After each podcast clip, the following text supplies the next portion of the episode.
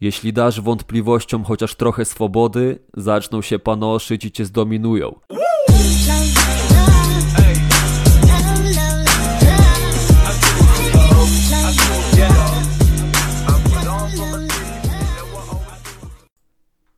Cześć, dzisiaj część pierwsza. Będzie w nowym roku druga o wewnętrznym głosie. Jeśli kiedykolwiek chciałeś coś zrobić i nagle usłyszałeś w swojej głowie głos, że na bank ci się nie uda, to jesteś w bardzo dobrym miejscu. Bo dzisiaj rozłożymy na części pierwsze wewnętrzny głos, który do dzisiaj ci przeszkadzał i nauczysz się jak sobie z nim radzić. Skąd w ogóle wiemy o istnieniu wewnętrznego głosu? Ano wiemy o nim, bo go mamy. Kolejną ważną sprawą jest fakt, że jest to głos, który odpala się w bardzo konkretnych sytuacjach. To nie jest tak, że mamy go cały czas. Odpala się, gdy chcemy czegoś dokonać. Odpala się, gdy jesteś rodzicem i masz ochotę nakrzyczeć na swoje dziecko. Odpala się też na treningu, gdy masz już ochotę skończyć podnoszenie ciężarów, a właściwie to nie ty masz ochotę, tylko twoja część w głowie, która chce powiedzieć ci, że już wystarczy, bo będziesz zmęczony. Najczęściej ma formę tekstu w stylu daj sobie spokój. Jesteś zmęczony oraz klasyk, czyli nie dasz rady.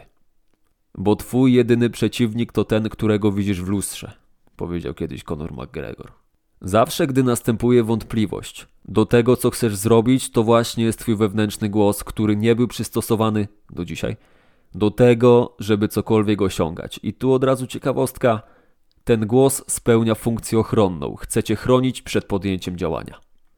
Nie możesz pozwolić, by do twojego umysłu wkradły się wątpliwości. Jeśli dasz wątpliwościom chociaż trochę swobody, zaczną się panoszyć i cię zdominują. To był tekst Louis Simonsa. Mega odkryciem było to, że ten głos mówi do nas zawsze w drugiej osobie. Czyli nigdy nie usłyszysz od samego siebie: Ja mało wiem, ja jestem zmęczony. Zazwyczaj usłyszymy w naszej głowie: Jesteś zmęczony, nie dasz rady, jesteś głupi wiele innych tekstów, którymi robimy sobie krzywdę. Wewnętrzny głos możemy nazwać naszym produktem, ponieważ jest stworzony przez nas i występuje w naszej głowie. Jest błędem logicznym to, gdy produkt, który jest Twoim wewnętrznym głosem, przerasta Ciebie jako twórcę tego głosu.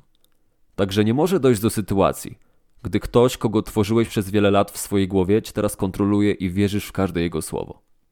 I tu po raz kolejny Louis Simon z cytatem: Jeśli coś nie daje Ci przewagi, to Ci ją odbiera.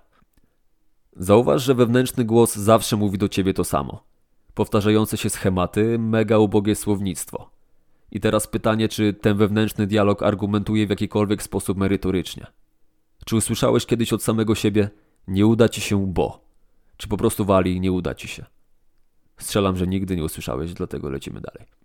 Czy złapałeś się kiedyś na sytuacji, że ktoś bliski cię mocno zdenerwował i pierwsze co zrobiłeś, to uzewnętrzniłeś swój wewnętrzny głos, który podpowiadał ci, że masz dokopać tej osobie, bo przecież cię zdenerwowała? Po czym zacząłeś tę osobę krytykować i po paru chwilach miałeś wyrzuty sumienia, bo przecież nie chciałeś tak zareagować. No to właśnie był idealny przykład, że nie byłeś sobą, byłeś pod kontrolą wewnętrznego głosu i postąpiłeś tak, jak chciał wewnętrzny głos, a nie jak ty. Świadomy tego, jak naprawdę powinieneś zachować się przy ukochanej osobie. I tu po raz kolejny Louis Simons. Stal ostrzy stal, a jeśli zadajesz się z kulawymi, to sam zaczniesz utykać. Taki mały odnośnik do wewnętrznego głosu. Teraz zajmijmy się tym, jak tym głosem zarządzać. I tu będzie bardzo krótko i przyjemnie. Skoro już wiemy, że ten głos nas oszukuje, to wiedz jeszcze to, że tego głosu nigdy się nie pozbędziesz, ale przynajmniej nauczysz się nie wierzyć w jego każde słowo. Wyobraź sobie teraz w twojej głowie autobus. I to ty jesteś jego kierowcą. Wyobraź sobie drogę, po której będziesz jechał, która będzie twoją ścieżką życia, a także przystanki, które będą Twoimi celami. Wyobraź sobie też kilku pasażerów, którzy grzecznie siedzą na swoich miejscach. Jedziesz tym autobusem, po czym myślisz, że chciałbyś coś zmienić w swoim życiu. Chciałbyś założyć firmę i zostać milionerem. I już po kilku kilometrach widzisz przystanek, na którym widnieje napis: Wysiądź tutaj, po przejściu kilku kroków zostaniesz milionerem. Zjeżdża ze swojej drogi. Już prawie się zatrzymujesz, po czym wstaje jeden z pasażerów, Podbiega do ciebie do kierowca autobusu i mówi: Nie zatrzymuj się. Po co ci to? Jesteś zmęczony. Nie dasz rady. A ty. I nie zatrzymałeś się. Uwierzyłeś pasażerowi i zatrzymujesz się na kolejnym przystanku, na którym widnieje napis 5% podwyżki inflacyjnej. Co według ciebie powinien zrobić kierowca autobusu, którym jesteś ty, gdy jego pasażer, który jest twoim wewnętrznym głosem, mu mówi w jego autobusie, co ma robić?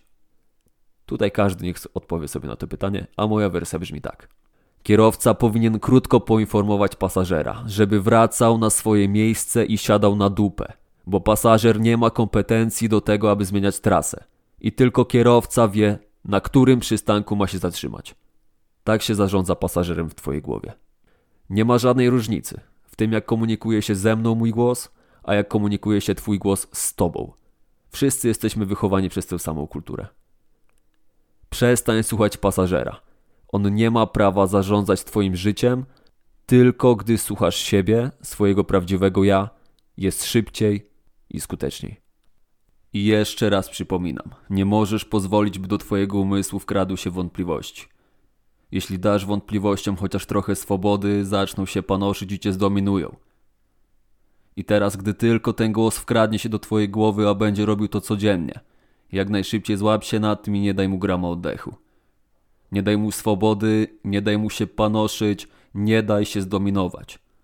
Każ mu jak najszybciej się zamknąć i działaj na własnych zasadach. Tak się zarządza głosem wewnętrznym. I na koniec części pierwszej David Goggins. Obecnie młode pokolenie poddaje się chwilę po tym, jak zacznie.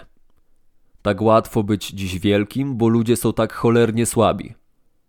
Jeśli masz w sobie choćby gram twardości, samodyscypliny, choćby ciut umiejętności robienia rzeczy, na które nie masz ochoty, to masz nadzwyczajną przewagę. Ja na przykład nie cierpię biegać i szlak mnie trafia, jak ludzie pytają: To po co w takim razie biegasz? O czym ty kurwa mówisz? Jak to po co biegam? Bo na tym polega życie, że nie zawsze robisz to, na co masz ochotę. To właśnie dzięki temu stałem się kimś. Po drugiej stronie robienia tego, czego cholernie nie chcesz robić, czeka na ciebie wielkość. Ale ludzie tego nie rozumieją. Ludzie nie rozumieją koncepcji odcisków na umyśle.